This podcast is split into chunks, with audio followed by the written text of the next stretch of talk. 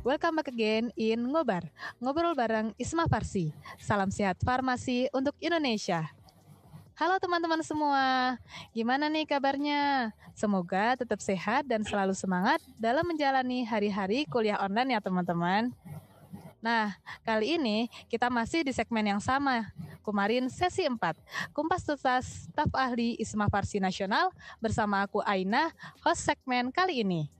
Nah, di sesi kemarin kali ini, kita kedatangan dua bintang tamu spesial nih teman-teman. Ciwi-ciwi cantik yang akan bahas tentang seluk-beluk staf ahli eksternal dan CEO atau bisa disebut Student Exchange Officer. Langsung aja ya, kita sambut tamu spesial kita, Virus Andini dan Rania Adamira. Halo Kak Andini. Halo Kak Rania. Halo, halo. Gimana kabarnya Kak? Alhamdulillah sehat. Oke, langsung aja ya Kak. Boleh, boleh. Nah, di sesi kemarin kali ini uh, dibagi jadi dua pertanyaan.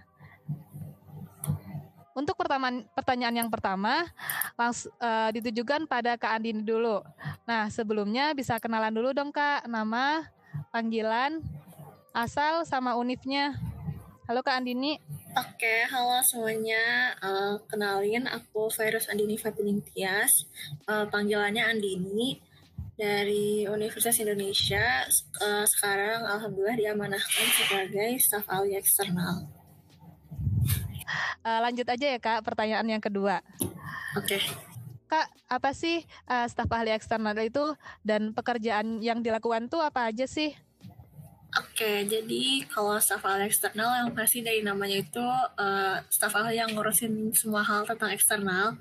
Jadi uh, utamanya kita uh, dari staf ahli eksternalnya nanti bakal uh, ngebantu inovasi uh, berhubungan nih sama pihak-pihak eksternalnya.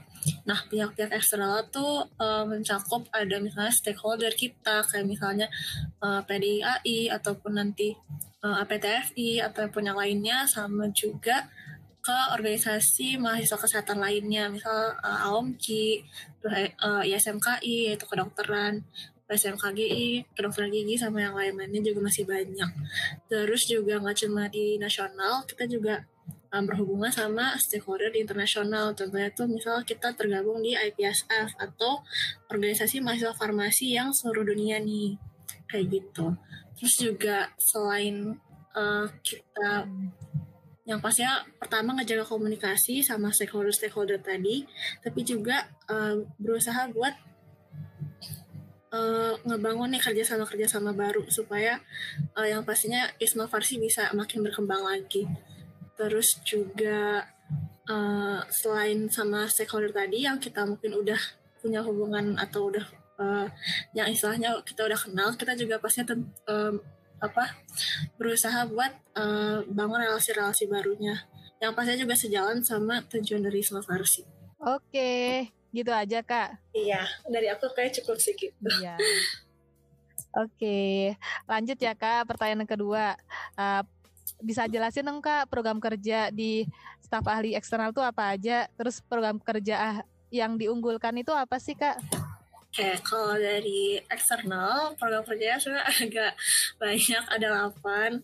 Uh, jadi sebenarnya kalau program kerja eksternal itu ada beberapa.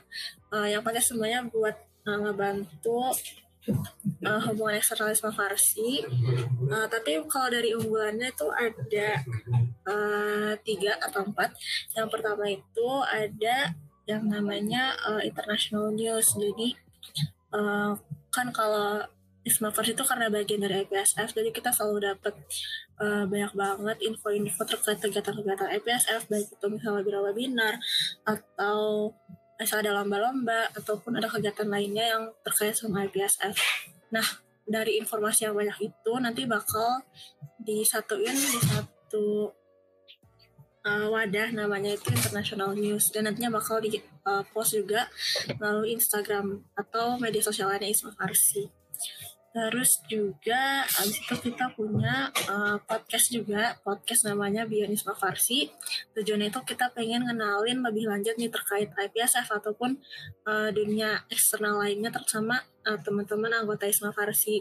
Misalnya nanti kita bisa nih uh, ngebahas lebih lanjut kayak lomba-lomba di IPSS tuh apa aja sih terus misalnya juga bisa kita ngebahas lebih lanjut terkait uh, gimana sih kepengurusan di IPSS terus gimana kita bisa join uh, dan jadi bagian dari kepengurusan tersebut dan pasti masih banyak topik-topik lainnya yang berhubungan sama uh, baik itu internasional maupun uh, eksternal lainnya Oh gitu. Mm -hmm. Berarti uh, di eksternal sendiri networking itu sangat penting benar, kak benar. untuk menjalin hubungan. Oh iya. Bisa disebutin dong kak kerjasama dan siapa aja yang pernah dilakukan sama Isma Farsi? Ya mungkin kalau sejauh ini karena kita masih di awal kepengurusan untuk uh, terkait networking kita masih lebih banyak ke nyambung-nyambung silaturahmi yang udah ada nih dari periode sebelumnya ke periode yang baru. Jadi kita sejauh ini lebih ke ngadain uh, kunjungan-kunjungan atau silaturahmi. Uh, misalnya kemarin sempat ada silaturahmi uh, bareng IAI, terus juga ada kita bareng IYPG, terus juga pernah ada uh, silaturahmi kemarin ada ke APTFI dan juga nanti yang pastinya bakal ke beberapa stakeholder lainnya. Dan harapannya juga bisa nanti kita ngadain mungkin ada kerjasama, program kerjasama juga bareng stakeholder-stakeholder kita. Oh gitu. Oke, uh, lengkap ya teman-teman. Terus uh, pertanyaan selanjutnya nih kak, uh, di eksternal itu ada tim staf ahli yang bantu kakak Pastinya kan? Pastinya ada dong. Coba dong bisa kenalin tim staf ahlinya dan uh, pembagian tugasnya tuh seperti apa sih kak di uh, eksternal itu okay, sendiri? Jadi kalau untuk tim staf ahli yang sekarang aku dibantu sama tujuh orang. Uh, mereka dari dari ya dari mana-mana sih. ya pokoknya aku dibantu sama tujuh orang uh, dan untuk tim staf ahli ini pembagiannya sih aku lebih ke kalau Dexel tuh ada tiga gitu ada jadi ada yang lebih ke hubungan nasional terus ada yang ke hubungan internasional sama ada yang ke bagian uh, untuk bantu nerjemahin berkas-berkas jadi kan kalau misalnya di eksternal tuh kita karena sebagai anggota dari IPSF juga mesti uh, ngasih laporan-laporan kegiatan kita juga ke IPSF nah buat yang uh, masalah kayak gitu kita butuh banget uh, yang bakal ngebantu nerjemahin berkas-berkasnya. Makanya ada tiga bidang itu. Tapi kalau dari aku sendiri sih untuk uh, ngebagi program kerjanya aku lebih ke ngerata ini sama teman-teman tim staff ahli. Jadi mereka semua bisa ngerasain nih tiga-tiganya bisa ngerasain uh, hubungan nasional gimana uh, internasional gimana sama uh, gimana kalau misalnya ada berkas-berkas yang harus uh, kita sampaikan lagi ke IPSF kayak gitu. Terus kalau misalnya buat hubungan nasional tuh misal lebih ngebantu uh, mungkin mau ada kunjungan atau mungkin kita mau uh, misal kita mau kerjasama nih sama mungkin AOMKI gitu. Nanti mereka yang ngebantu-bantu nih buat uh, komunikasi. Terus kalau ke internasional uh, mirip sih cuma beda. Kalau tadi misal ke nasional misal sama AOMKI gitu. Kalau ke internasional berarti nanti nggak bantu. Misal kita mau kerjasama nih sama atau misal kita mau ngundang pembicara nih dari, dari IPSF nanti mereka uh, bisa nggak bantu juga buat komunikasi ke sana. Terus kayak gitu sih kalau kurang lebihnya buat bidang-bidang uh, tim staff ahli di eksternal. Oh oke. okay. Jadi di uh, sebenarnya di staf ahli eksternal ini harus bisa bahasa Inggris nggak? Kalau harus bisa sebenarnya nggak harus ya karena kan tadi kayak gak cuma internasional doang kayak bisa nih misal uh, mungkin ngerasa bahasa Inggris masih kurang, berarti nanti bisa nih nggak bantu-bantu di bidang nasional.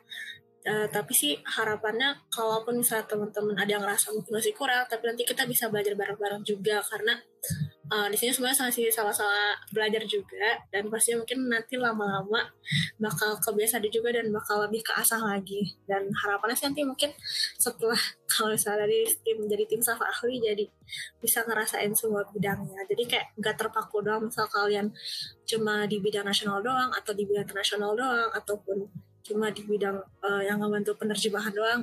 Uh, kalau dari aku sendiri sih aku berusaha nggak kayak gitu kebagi-bagi banget. Jadi aku pengen semuanya bisa uh, bisa jadi bisa ngerasain semuanya. Oh gitu. Lanjut ya kak untuk pertanyaan selanjutnya. Uh, sebenarnya motivasi kakak ikut uh, join di Isma Farsi itu apa sih kak?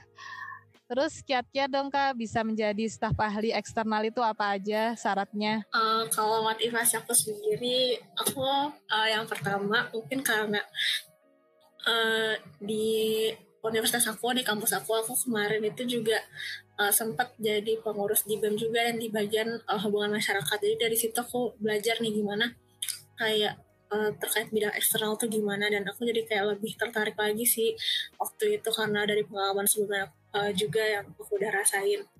Terus juga sama karena aku dari awal apa ya dari jadi maba gitu emang tertarik gitu sama uh, dunia internasional kita aku pengen bisa aktif internasional. Terus pas tahu nih di Isma Farsi ada uh, staff eksternal yang kayak ngurus di bidang eksternal juga terus juga bisa ngurus ke internasional. Aku jadi kayak makin tertarik gitu sih kalau dari awalnya terus mungkin kalau kiat-kiat apa ya? Kalau kiat-kiat uh, mungkin dari aku. Mungkin ada syarat-syarat oh, syarat-syarat juga apa ya? Mungkin kalau syarat khusus mungkin uh, kalau buat jadi staff ahlinya ya yang pertama uh, harus apa ya kayak tertarik lah gitu sama ngurus bidang eksternal. Karena kalau misalnya kayak dari awal kayak nggak tertarik gitu kan nanti berat gitu ngejalaninnya. Jadi kayak paling nggak harus udah punya tertarik gitu sama bidangnya. Terus juga oh, okay. hmm, kalau dari stafalnya sih nah saran dari aku bahasa Inggrisnya juga udah lancar. Karena um, meskipun tadi di tim staff ahli nggak wajib banget tapi karena ini kita ngomongnya staff ahlinya jadi saran dari aku udah uh, udah bisa lah bahasa Inggrisnya udah uh, paling gak udah nyaman gitu kalau misalnya kayak ngobrol-ngobrol pakai bahasa Inggris karena nanti bakal banyak banget juga yang harus pakai bahasa Inggris. Terus juga apa ya yang pastinya sih mau terus belajar sih kalau dari aku rasain kayak gitu. Oh gitu. Oke, lengkap dan jelas banget ya teman-teman penjelasan dari Kak Andini ini. Nah, siapa tahu nih selanjutnya uh, dari teman-teman sekalian bisa nih jadi ahli eksternal Isma Farsi di tahun berikutnya. Oke, lanjut aja ya. Langsung ke Kak Rania. Halo Kak Rania. Halo, halo. Bisa dengar suara aku? Ya, bisa. Oke. Uh, langsung kenalan. Oke. Langsung aja ya Kak. Uh, sebelumnya bisa kenalan dulu dong. Nama, panggilan, asal, sama unifnya Kak. Oke, halo guys semuanya. Okay. Uh, eh, perkenalkan, nama aku Rania Adhamira, bisa dipanggil Rania dari UIN Syarif Hidayatullah Jakarta, yang alhamdulillah diamanahin sebagai staf ahli Student Exchange Officer tahun 2020 sampai 2022. Salam kenal semuanya. Halo, halo Kak Rania. Halo. Uh, langsung aja ya Kak, pertanyaan yang pertama bisa jelasin dong kak uh, staf ahli student exchange officer itu apa dan uh, coba dong sebutin kerjaan apa yang dilakuin oleh staf ahli ini. Oke, jadi uh, mungkin aku jelasin secara garis besarnya aja ya. Staf ahli student exchange officer itu sebenarnya lebih uh, bekerja untuk masalah pertukaran mahasiswa. Uh, mungkin yang belum tahu nih pertukaran mahasiswa itu kan kayak ya program di mana kita tuh bisa ke luar negeri itu sambil bertukar belajar gitu. Yang merupakan satu program juga ini tuh merupakan satu kesempatan juga nih buat teman-teman untuk mengembangkan potensinya di dalam skill kefarmasiannya. Uh, tentu aja biar bisa dapat relasi juga seluas-luasnya. Apalagi nih di era globalisasi kan ya tentu aja pengaruh teknologi sangat uh, berdampak pada kemajuan ilmu farmasi sehingga mendorong kita untuk dapat terus nih menggali informasi uh, kefarmasian yang nggak hanya di nasional melainkan di ranah internasional. Jadi emang student exchange officer ini lebih uh, terkait pertukaran pelajar dan ini tuh hanya kesempatan yang bisa diraih ketika kita jadi mahasiswa. Makanya pentingnya ada student exchange officer ini di mana bisa membuat nih teman-teman membuka peluang supaya di sini bisa ikutan tentang student exchange officer kayak gitu. Oke. Terus kak, uh, pertanyaan selanjutnya, bisa dong sebutin program kerja staf ahli CEO itu apa sih kak? Oke, okay. jadi kalau misalnya uh, proker-prokernya itu lebih ke promosi juga ya. Yang pertama itu ada promosi uh, Student Exchange Officer uh, Isma Farsi kepada anggota IPSF. Jadi di Indonesia sendiri pun kita membuka nih uh, untuk tender supaya membuka uh, ibaratnya incoming students atau bule-bule lah ya untuk datang nih ke Indonesia dan belajar ilmu-ilmu yang ada di Indonesia juga. Nah itu tuh kita melakukan promosi aktif uh, kepada anggota-anggota IPSF. Dan yang kedua begitupun sebaliknya gitu. Jadi dari Isma Farsi pun memperkenalkan nih apa sih student exchange officer kepada lem-lem atau anggotanya Isma Farsi. Kemudian yang ketiga itu ya tentu aja ya ada program kerja dari student exchange officer sendiri terkait memanage ya mulai dari wawancara, pendaftaran segala macam, data-data itu uh, termasuk di program kerjanya student exchange pro, uh, program. Terus kemudian ada juga perekrutan host baru nih. Jadi bagi lem-lem yang pengen uh, lemnya itu mampu untuk ke rancah internasional apalagi buat lem-lem yang mau menambah akreditasi bisa banget ikutan program yang namanya perekrutan host baru dan kebetulan nih udah dibuka.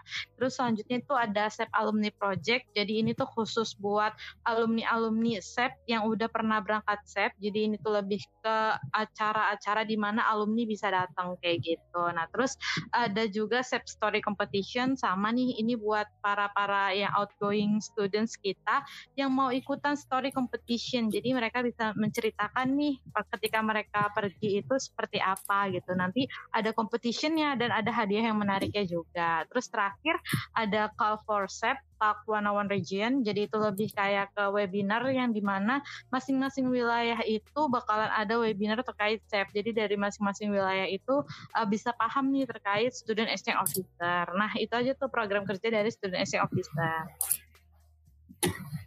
Oh gitu. Lanjut ya kak. Uh, Sebenarnya Isma Farsi itu udah pernah ngirimin student exchange ke luar negeri itu udah berapa kali ya? Wah, Kak? banyak banget deh. Karena mungkin kalau periode-periode sebelumnya itu tuh peserta student exchange officer-nya itu bisa lebih dari 100 per tahunnya, kadang bisa 200-an gitu ya per tahunnya loh.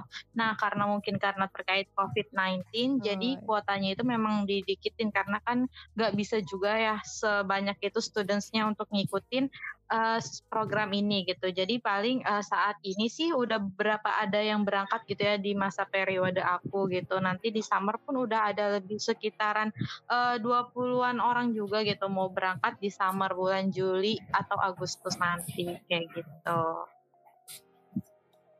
Oh gitu. Jadi Karania ini udah pernah student exchange uh, belum Karena ya? aku baru banget ya, kan itu persyaratannya semester 5 ya. Nah, semester 5 ini aku langsung jadi SA si SEO-nya nih. Jadi kebetulan belum pernah ikut SEP-nya, namun pernah nih ikutan join international outing ke Malaysia waktu itu. Nah, itu tuh lebih kayak ke mini SEP-nya. Jadi ada gambaran-gambaran waktu itu ketika berangkat student exchange program itu seperti apa tuh ada gambarannya kayak gitu. Oh, jadi uh, menjadi staf ahli SEO ini belum pasti iya. ini ya udah jadi, pernah sih. jadi ketika gitu. mau ikutan student exchange eh malah jadi pengurusnya nih. Jadi susah juga nih untuk berangkat. Nah. Jadi emang rata-rata ya dari periode sebelumnya pun uh, gak ada CEO uh, Isma Farsi yang berangkat SEP itu gak ada. Rata-rata emang pada nggak berangkat. Ya karena oh, jadi pengurusnya gitu. malah. Bisa sebutin dong Kak uh, negara favorit untuk exchange tuh apa sih? Mungkin ada uh, bisa tuh teman-teman itu pengennya ke negara itu okay, gitu.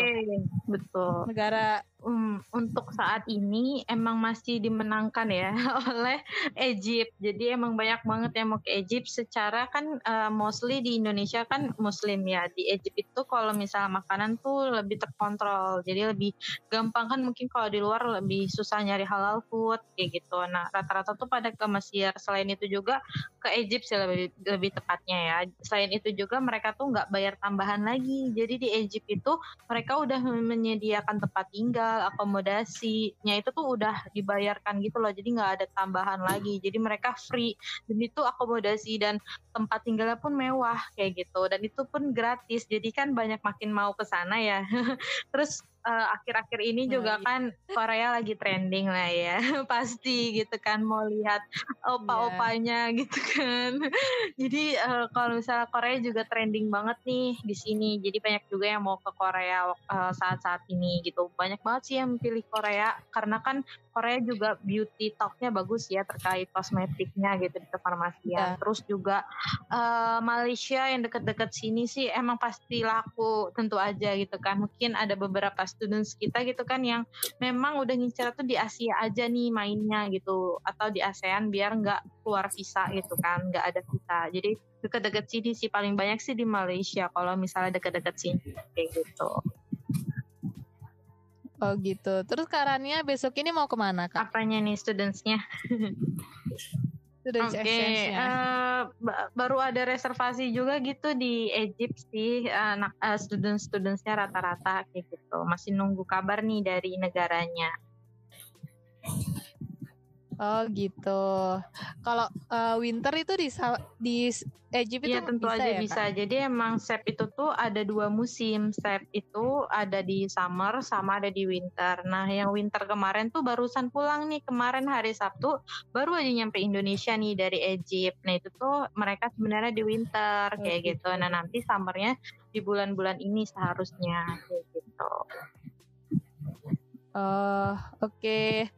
Uh, eh, terus nih Kak, ya bidang yang biasa diambil ketika exchange itu apa uh, aja sih Kak? Rata-rata sih pada ke farmasi community ya. Farmasi community itu kan lebih ke apotek. Mungkin yang belum tahu gitu ya, ada empat oh, iya. bidang kan ya. Di SEP itu ada hospital, ada industri, ada research, sama farmasi community. Nah, yang lebih diseringin itu emang lebih ke farmasi community gitu. Jadi biar bisa ngeliat juga gitu kan terkait apotek di sana gitu rata-rata kan kita juga apotik ya jatuhnya gitu. Terus juga yang kedua tuh lebih ke hospital sama research sih mereka sama nih ada yang mau kerja di rumah sakit sama pengen jadi researcher kayak gitu. Terus uh, pertanyaan selanjutnya syarat-syarat nih mengikuti student oh, exchange? ini banyak banget emang pertanyaannya. Apa tuh yang sering ditanyakan ya mostly.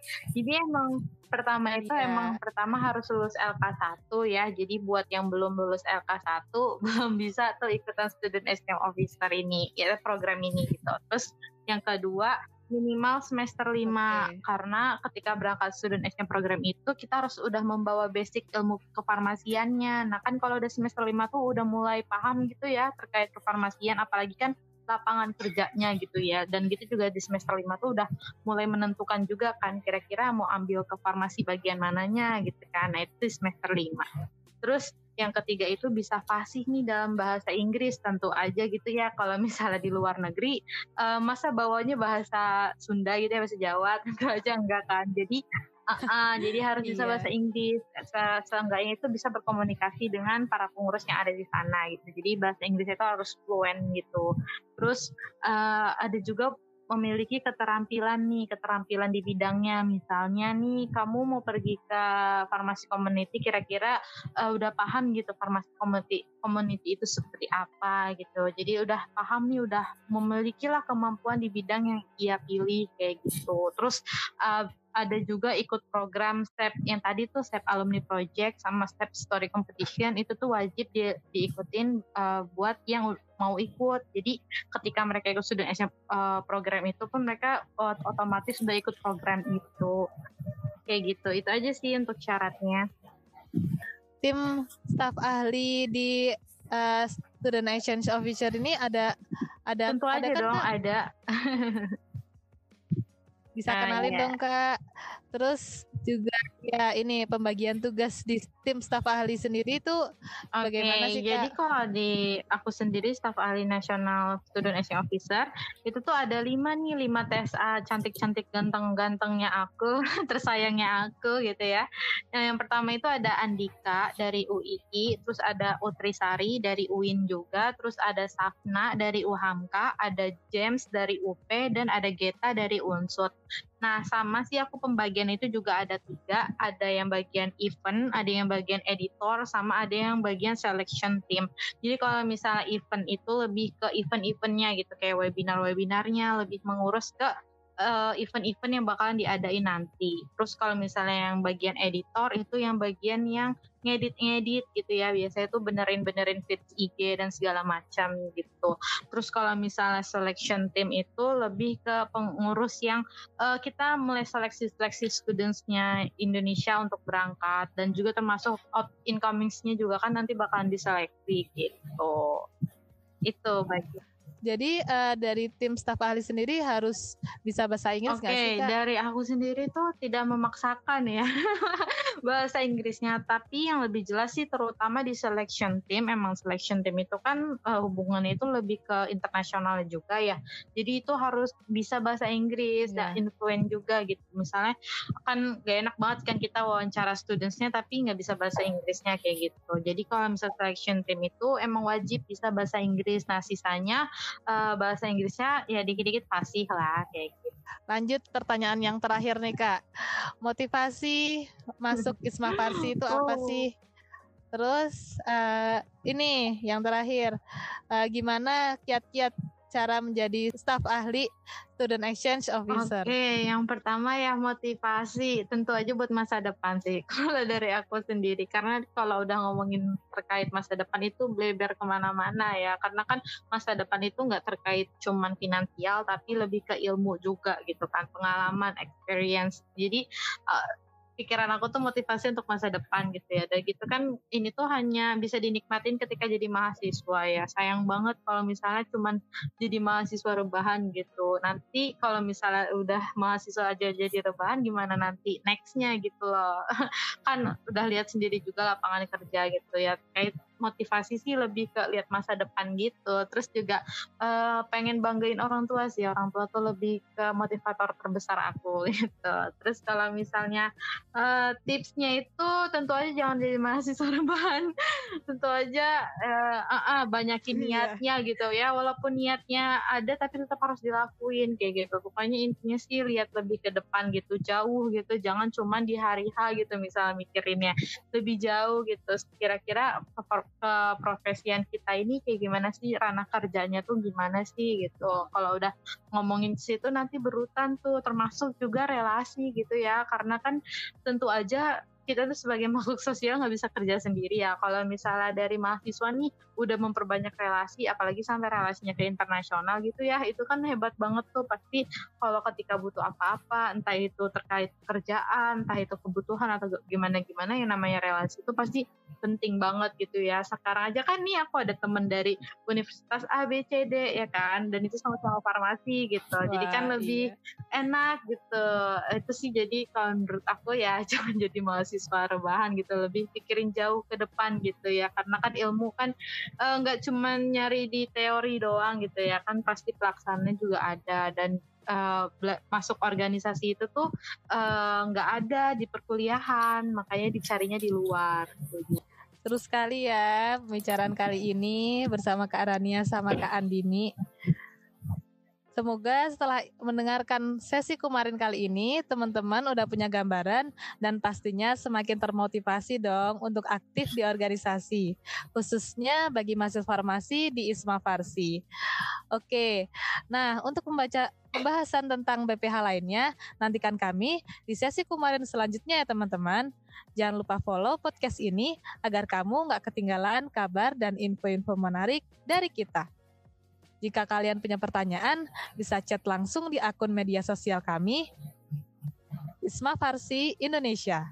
Stay tune, stay safe, and be healthy. Don't miss ngorbar, ngobrol bareng Isma Farsi di sesi selanjutnya. Bye-bye.